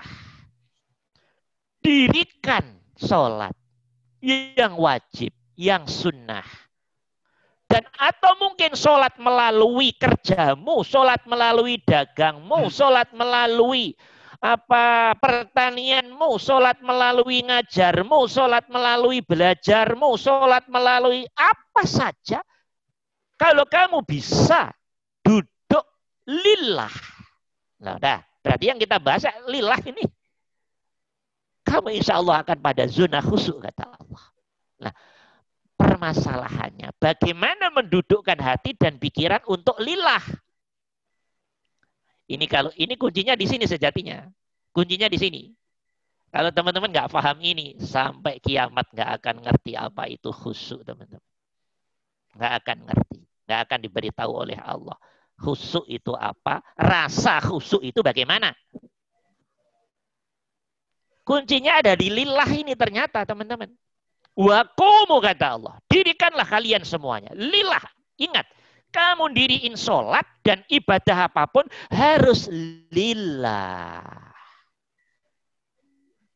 Insya Allah akan dapat khosi'in sembari kedudukan hati yang khusyuk. Hudur yang lurus total ke aku. Jadi khosi'in sudah keadaan buah karena efek mendudukkan hatinya lillah tadi. Nah, lillah itu apa pertanyaannya? Lah tadi sudah yang saya terangkan pada pertanyaan Umi Cia tadi, teman-teman. Sholat yang lillah, si pelaku sholatnya. Dari semenjak ingin sholat saja. Ingin sholat saja. Sudah mendudukkan hati dan pikiran. Keinginan sholat ini, ini rahmatmu ya Allah. Hatinya sudah duduk, duduk begitu. Nafsunya sudah lemah lentur begitu keinginan sholat ini, ini fadlmu ya Allah. Ini rahmatmu ya Allah. Ini izinmu ya Allah. Kalau keinginan ini enggak engkau kirim, aku enggak akan mungkin mau sholat ya Allah. Hatimu sudah paham itu teman-teman. Pikiranmu sudah paham itu, udah enggak belagu-belagu gue-gue lagi sudah. Yang gue-gue itu masih preman tak itu hatinya. Karena hatinya masih gede-gede itu. Ya nggak akan ngerti salahnya sendiri. Oh, ini perlu ilmu yang dalam kok. Ini inginmu, ini rahmat. Jadi ingin saja sudah dihormati. Ini ini engkau ya Allah. Ini rahmatmu ya Allah. Hamba menerima inginmu ini ya Allah. Dan diri nggak ada klaim-klaim lagi. Ini kowe. Nggak ada teman-teman. Para ahli ma'rifah sudah nggak mau gue-gue lagi. Udah paham Allah, udah ngerti Allah. Dia punya Allah di hatinya. Tidak kayak kita, Allah Allah doang di mulut, hatinya bersih, nggak ada Allahnya. Tahalli terus, kosong terus. Nah, ini ini engkau ya Allah. Nah, gitu. Hatinya ngomong, ini ingin sholat ini, ini perbuatanmu yang telah mengirim perbuatan ingin sholat kepada hamba ya Allah. Terima kasih ya Allah. Sadarnya diri kita, ngertinya diri kita, fahamnya diri kita, mendudukkan hati dan pikiran kita bahwa ini kebaikanmu pada diri hamba dari dimensi kemakhlukan ya Allah. Ini tanda-tanda dirimu dapat pertolongan Allah. Nafsumu sudah ditundukkan oleh Allah dirahmati oleh Allah. Sehingga fakta di hatimu yang kelihatan Allahnya. Bukan gue dirimu. Bisa bedain nggak ini? Ini ilmu halus sekali ini teman-teman. Ilmu yang sangat halus. Ini urusan hati semua ini. Begitu pengen ini engkau ya Allah. Wudhu pun merasa hakikatnya totalitasnya Allah. Secara syariat normal. Secara syariat nggak usah diomong. Ini urusan hati. Setelah itu mungkin sholat di rumah atau di masjid lebih baik. Langkah demi langkah diroso hatinya. Ini engkau ya Allah. Jadi sudah nggak ada lagi. Aku sholat dari klaim kehambaan sudah hilang. Jalannya jadi rasa yang jalan itu rahmatnya Allah, fadlnya Allah. Rahmat fadl istilah itu hilang di hatimu, ganti tinggal Allahnya. Berarti lillah, lillah. Jalannya udah lillah, lillah, lillah, lillah. Allah, Allah, Allah, milik Allah. Ini engkau Allah. Terus dimulai dari sholatnya tak mulai takbirnya. Syariatnya ya dibaca normal, tapi hatinya duduk hakikatnya engkau ya Allah. Sampai selesai sholat. Jadi rasa totalnya, sadar totalnya adalah rasa sadar tentang hakikat pelaku perbuatan sholatnya sejatinya Allah dirinya makhluk menyatu karena tauhidnya sudah total menyatu di situ melebur di situ, numpang di situ, serna di situ, terserap di situ. Jadi yang kuat tinggal rasa perannya Allah, rasa peran hamba menyatu di peran kebesaran Allah. Kalau hatimu sudah seperti ini, pasti dirimu akan khusyuk. Nggak mungkin tidak.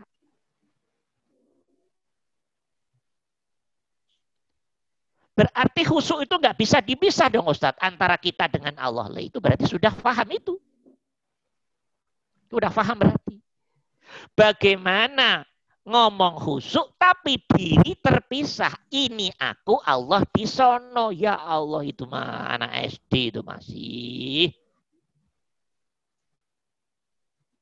Khusyuk itu sejatinya kuncinya di lillahi kunci di mendudukkan hati dan pikiran dari berangkat keinginan disadari rahmatnya Allah, fadlnya Allah.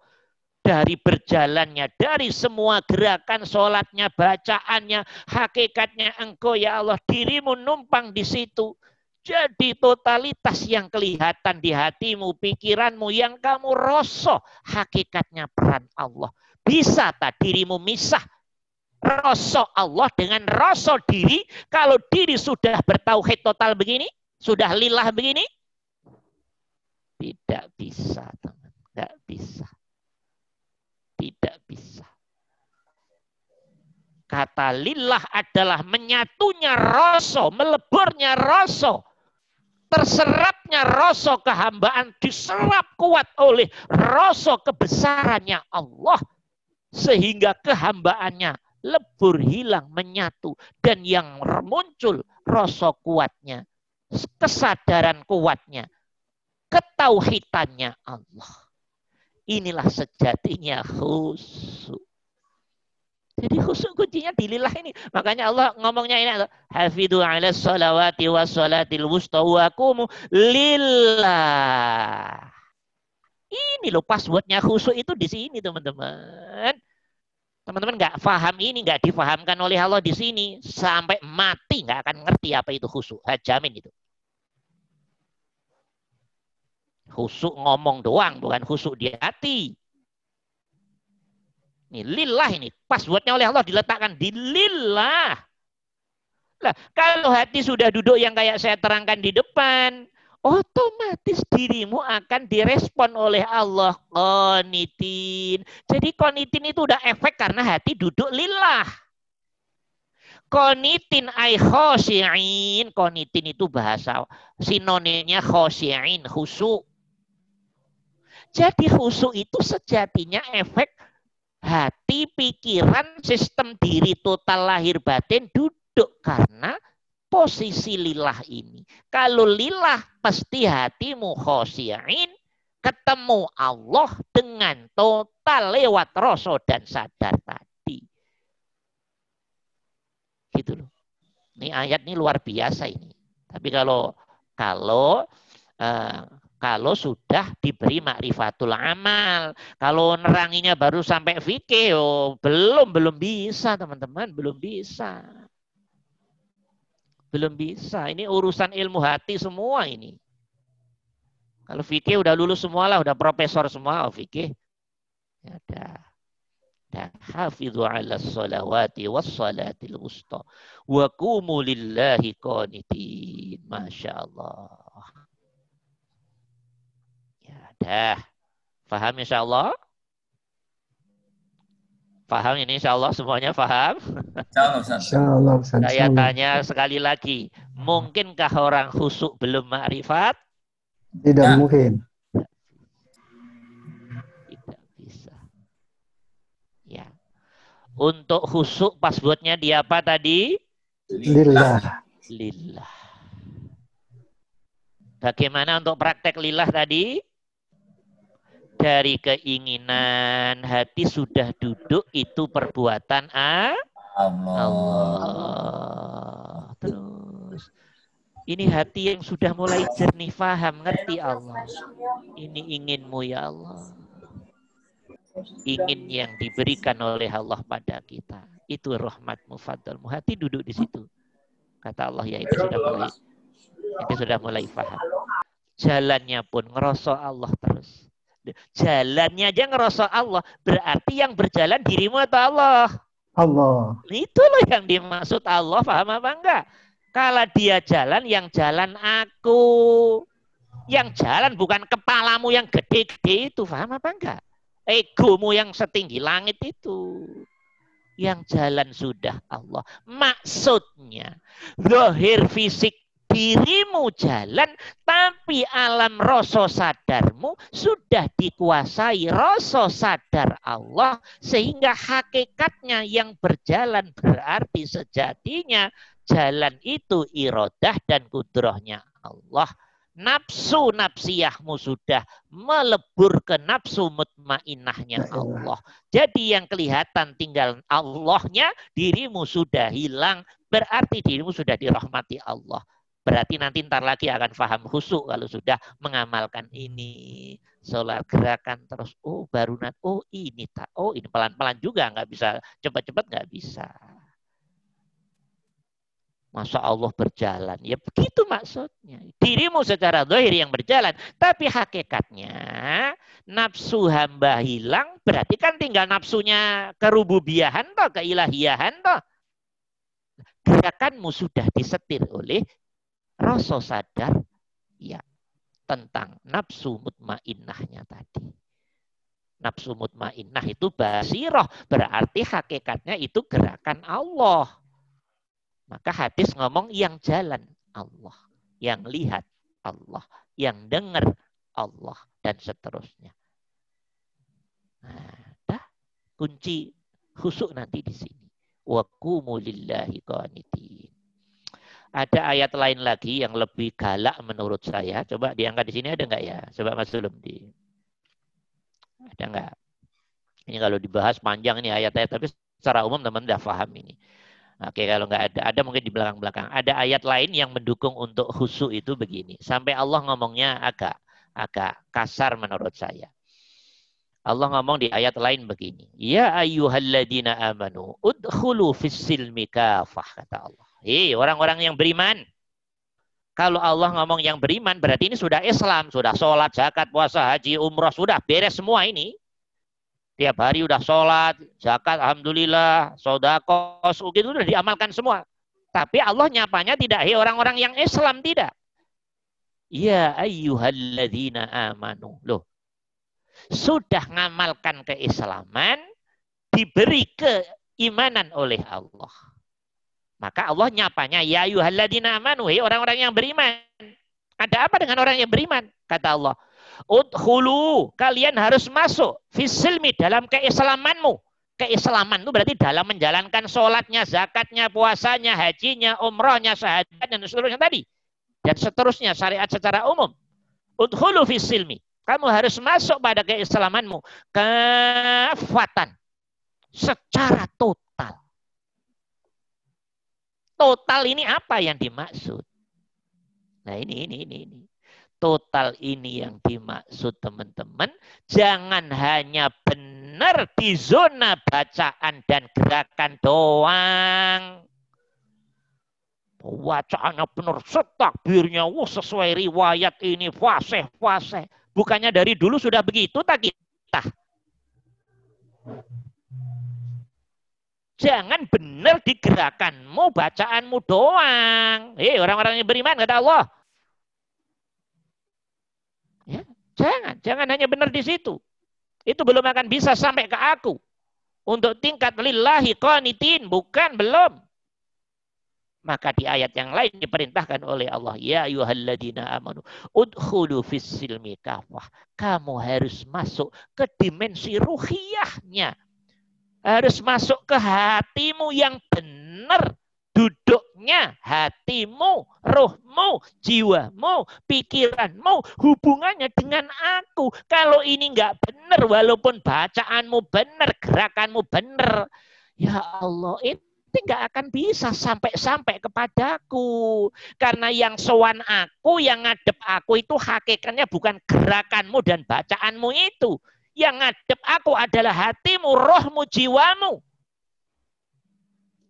Coba ayat ini. Ya ayuhalladzina amanu. Udkhulu silmi kafah. Ayo, kalau jalankan syariat jangan dohir-dohir doang dong yang benar. Bacaan, gerakan doang. Tapi hatimu yang justru harus kamu urus. Dohir nggak usah diomong. Yes. Clear. Hatimu itu loh. Dalam mendudukkan lillah tadi sudah benar apa belum? Karena kunci kafah, kunci kehusuan itu disimpan oleh Allah pada lillahi. Ini lillah ini. Makanya nggak paham ini, wah bapak belur, bapak belur. Bapak belur udah. udah. Ternyata begitu, ya Allah. Ya sudah. Nah teman-teman, karena sudah diterangkan begini, tinggal melatih diri aja. Tinggal melatih diri sambil nunggu waktu kapan diberi Allah. Yang repot kalau ayat-ayat begini nggak paham. Teman-teman nggak dikasih kata kunci. Bagaimana caranya? Ayo, berapa puluh tahun, ratus tahun pun ibadah. Kalau passwordnya nggak dikasih, bagaimana caranya? Saya tanya. Waduh, nggak paham, paham. Ya nggak bisa. Bukankah teman-teman lillahi ta'ala udah dari dulu, dari lahir ibaratnya. Iya toh? Iya, tapi hatimu duduknya pada Allah belum benar. Pikiran, hati, roh, jiwa ke Allah belum benar. Maka hasilnya berantakan-berantakan terus. Sampai Allah ngomong, udhulu fisilmi kafah. Jangan ngopeni lahir doang dong yang kata Allah. Hatimu itu loh, rohmu, batinmu, jiwamu itu loh yang justru kamu kelola. Bersamaan tata kelola lahirnya, syariatnya ilmu hakikat hatimu, hubungannya dengan aku, itu passwordnya ada di situ. Kok ngurusin dohir doang. Terus yang batin nggak kamu olah, nggak kamu urus, nggak kamu pelajari, nggak kamu praktekkan. Ya nggak bisa dong sampai aku, kata Allah. Karena passwordnya khosyi'in, konitin itu ada di lillah, ada di aku sendiri. Kalau duduknya salah ya bagaimana bisa? Gak bisa dong. Mengerti ya insya Allah ya? Dua ayat ini cukup untuk membuat kita, oh iya selama ini Masya Allah. Selama ini kita nampaknya, ya itulah kehendak Allah pada masing-masing diri kita. Nikmati saja. Nikmati saja. Dan ternyata Alhamdulillah sekarang Allah memberi ilmu yang lebih pada teman-teman. Oh jadi begitu ya cara duduin hatinya. Nah gitu. Alhamdulillah. Fadlul minallah rahmat minallah, izin dari Allah. Siang ini kita belajar ini, teman-teman tahu kunci lillah itu duduknya hati begitu, itu yang paling mahal, itu yang paling mahal. Sejalan itu nanti ya praktek, insya Allah nunggu waktu, insya Allah bifadlillah birahmatillah akan mendapat kehusuan. Sejalan khusuk pasti ya makrifat itu udah pasti. Khusuk dan makrifat itu nggak bisa dipisah yang bisa yang bisa misah dengan khusyuk dan makrifat berarti orang nggak paham apa apa itu Orang bisa khusyuk pasti hatinya sudah ya minimal tiga per 4 ma'rifah lah. Deket-deket ma'rifah lah minimal. Atau ma'rifah kelas rendah, masih rendah. Nah, wa lillahi qanitin. Faham ini teman-teman insya Allah faham ya? Ya, ini masih ini masih pengantar mukodimah tentang sholat. Tadi saya pancing teman-teman. Kita ini ngaku punya Allah tapi hati kok berantakan terus. Allah yang mana? Makanya tadi yang saya tanya, Allah itu yang mana sih sejatinya? iya. Ya, mungkin ini saja deh prolog sholat. Sholat ini kajiannya sangat dalam nanti pelan-pelan maksud saya biar teman-teman diberi faham benar oleh Allah sehingga nanti benar-benar uh, bisa mendapat uh, kehusuan, kemakrifatan lewat sholatnya. Dan nanti kalau sudah diberi khusyuk oleh Allah, nanti teman-teman akan diberitahu oleh Allah, loh ternyata kita sholat dengan sholat lima waktu, dengan sholat sunnah, dengan sholat sambil nyapu sama aja ya di hati. Mesti nanti teman-teman akan di, akan diberitahu sendiri oleh Allah. Jadi itu hanya soal mendudukkan hati. Teman-teman sholat nggak mampu duduk di lillahi ta'ala. Lillah. Dengan nyapu duduk lillah. Pasti khusuk nyapu duduk lillah. Percaya apa tidak? Jangan percaya dulu sebelum membuktikan. Nah, kalau percaya dulu nggak ilmiah, jangan percaya dulu, buktikan dulu. Nanti sampai diberi kepercayaan itu oleh Allah. Oh iya benar kata Ustaz ternyata. Iya, teman-teman sholat belum ngerti duduk di lillah ini dengan nonton TV, tapi hatimu duduk lillah, ya pasti dong khusuk nonton TV dong. Oh, ini kalau yang guru-guru fikih stres dengerin kalimat ini. Ini apa? Ini nggak jelas ini. biar aja nggak apa-apa ya biar terpancing untuk belajar ya Allah ya Allah jadi ternyata khusyuk itu khusyuk itu sejatinya hudurnya hati kita ke Allah total dan sholat salah satu praktek untuk menuju kepada Allah di luar sholat kegiatan apa pun, siapa pun diperkenankan oleh Allah ketemu Allah asal tahu rahasia lillah. Sudah duduk di kemakrifatan, sudah duduk di keihsanan, sudah duduk di totalitas tauhid. Pasti nanti akan diajarin, ya toh, sama aja toh. Kamu sholat lewat nyuci, kamu sholat lewat masak, kamu sholat lewat nonton TV, kamu sholat lewat ini sama atau rasanya dengan kamu sholat lima waktu? Masalahnya bukan di bacaan dan gerakan, tapi masalahnya di hatimu sendiri. Bisa nggak megang lillah itu? Praktek lillah itu. Kamu dudukkan di hatimu dan pikiranmu. Dan sistem lahir batinmu. Nah, jangan percaya dulu, jangan percaya dulu, buktikan dulu. Nah, udah diberi oleh Allah benar ini kata Ustaz. Ya, dah itu aja dah. Mudah-mudahan ada manfaatnya. Ada waktu berapa ini? Sedikit untuk bertanya kita persilahkan. Siapa yang akan didalami dan seterusnya. Mangga, mangga kita persilahkan. Ini masih mukadimah, belum ke yang lain-lain ya, belum. Mangga, mangga, Fadal. Iya, Pak Ustaz. Ya, Samrudin, Pak Ustaz. Ya, mangga, mangga, mangga, mangga. Ya, jadi apa yang dilakukan Pak Ustaz, ya memang yang terbimbing itu ya nafsu sudah mutmainah. Artinya betul ya terbimbing pada Allah Taala dalam setiap tindakan karena ya pada hakikatnya keinginan adalah keinginan Allah sendiri dan perbuatan ya perbuatan Allah sendiri sehingga apa pun yang kita lakukan kelihatan itu bukan kita lagi itu Pak Ustaz. Iya, tapi itu jangan diomong ke orang, paham ya? Iya, iya, Dilarang keras mengomong urusan hati pada orang lain. Ilmu hati, ilmu TN khusus untuk hati. boleh diomong di lingkup pengajian.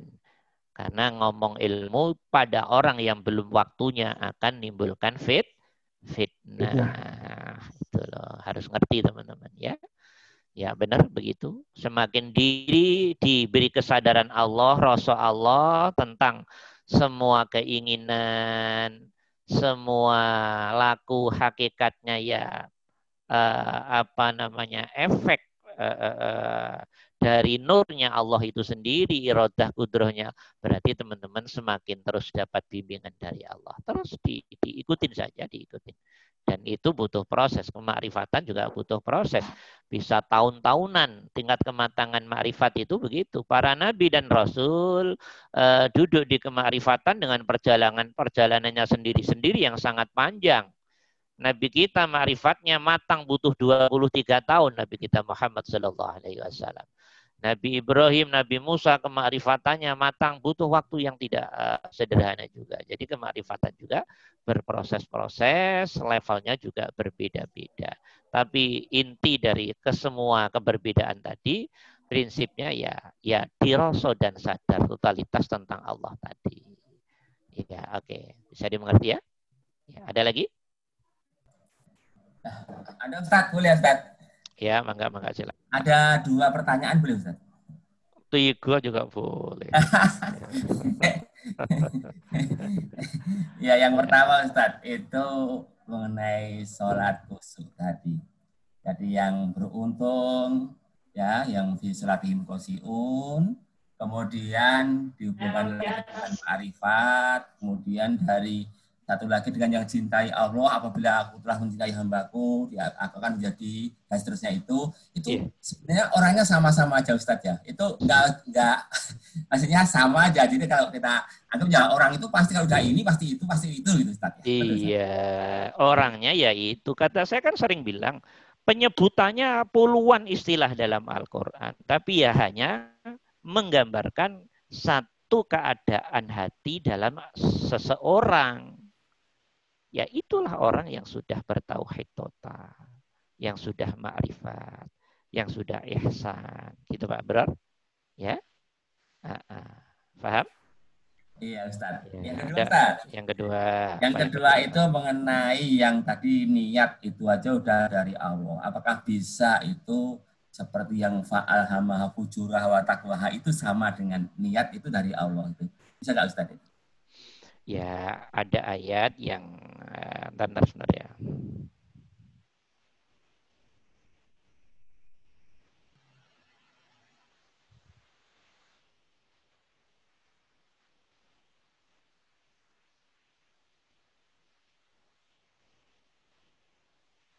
Pertanyaan dari uh, Pak Abror yang kedua. Fa'alhamaha fujuraha wa taqwaha. Jadi dalam ayat itu Allah lah yang mengilhamkan pada manusia. Ya, menuju baik atau menuju fujur. Fujur itu tidak baik. Allah lah yang sebetulnya ngirim, dorong sampai finishing pada seseorang, orang itu berjalan di jalan siratul mustaqim, jalannya Allah, hati ruh ada Allah, maksudnya begitu. Atau orang yang berjalan hati rohnya kosong dari Allah. Fujur itu seperti itu. Itu ya perbuatan Allah. Ayatnya kan jelas tak? Fa'alhamaha fujuraha wa taqwaha. Tinggal hati duduk di mana Pak Dadang, Pak Abror? Duduk di mana di sini? Nah kalau hati masih duduk di alam egonya, klaim diri, klaim ke hambaan. Berarti hati masih fujur. Walaupun kelihatannya baik. Baik menurut zona lahir. Tapi di mata Allah dirimu nggak paham-paham gue. Hatimu masih fujur terus. Di mana letak kefujurannya? Karena dirimu nggak paham bahwa keinginan itu sejatinya aku yang ngirim.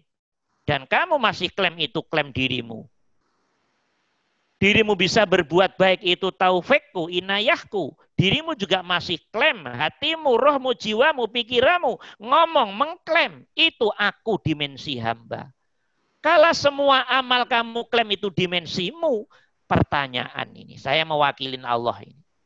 Terus aku Allah di mana dong?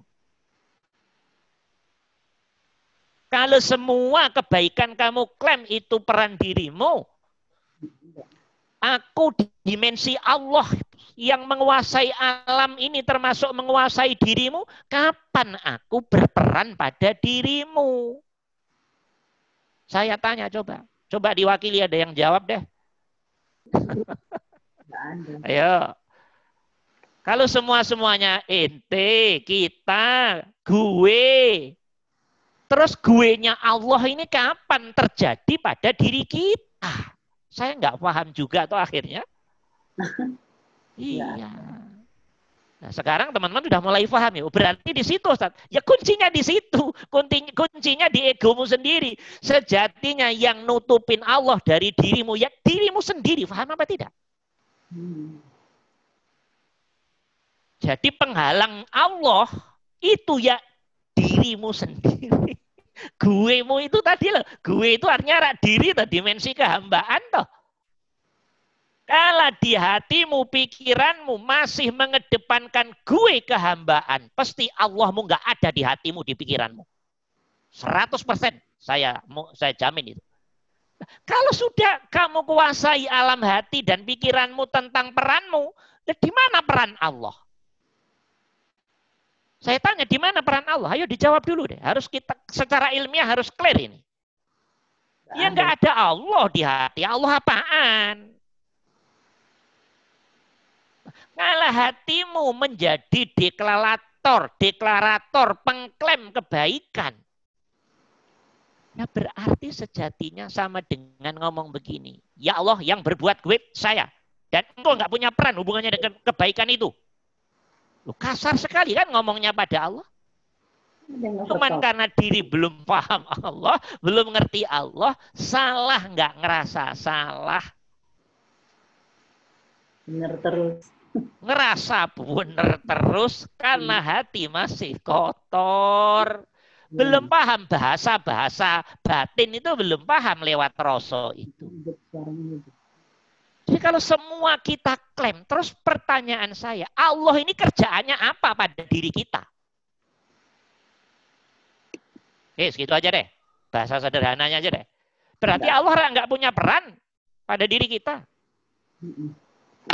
Kalau Allah sudah kita dudukkan di alam hati dan pikiran, nggak punya peran di hati, berarti rak hatimu kosong dari Allah. Kosongnya hati dari Allah berarti rak kafir. Paham apa tidak tuh?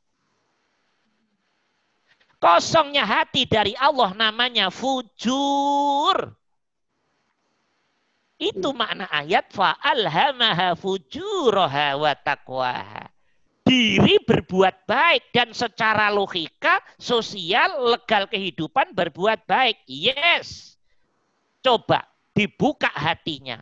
Aku manusia, aku hamba. Berarti dirimu masih dipandang fujur jujur oleh Allah.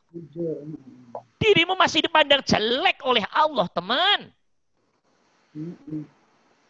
Dirimu masih dipandang nggak pinter oleh Allah. Gak pinter tuh bahasa kasarnya apa? ya bisa kalau ya. Sampai Allah ngomong begini dalam ayat. Jadi Allah jengkel juga nih bahasa manusia ini. Walakinna aksaron nasi yajhalun kata Allah. Akan tetapi mayoritas manusia itu bodoh, kata Allah. Loh ini yang ngomong Allah sendiri. Ia jahalun, mayoritas bodoh. Termasuk kebodohan terbesar tentang Allah adalah klaim diri sebagai pelaku dan pemilik kebaikan. Dan kalau sudah kamu klaim bisa tak dirimu ketemu Allah lewat hatimu. Ya nggak bisa dong. Lo berarti kebaikanmu menjadi penutup dirimu dengan Allah. Paham apa tidak ini? Karena diri belum sampai pada Allah, nggak paham yang begini-begini.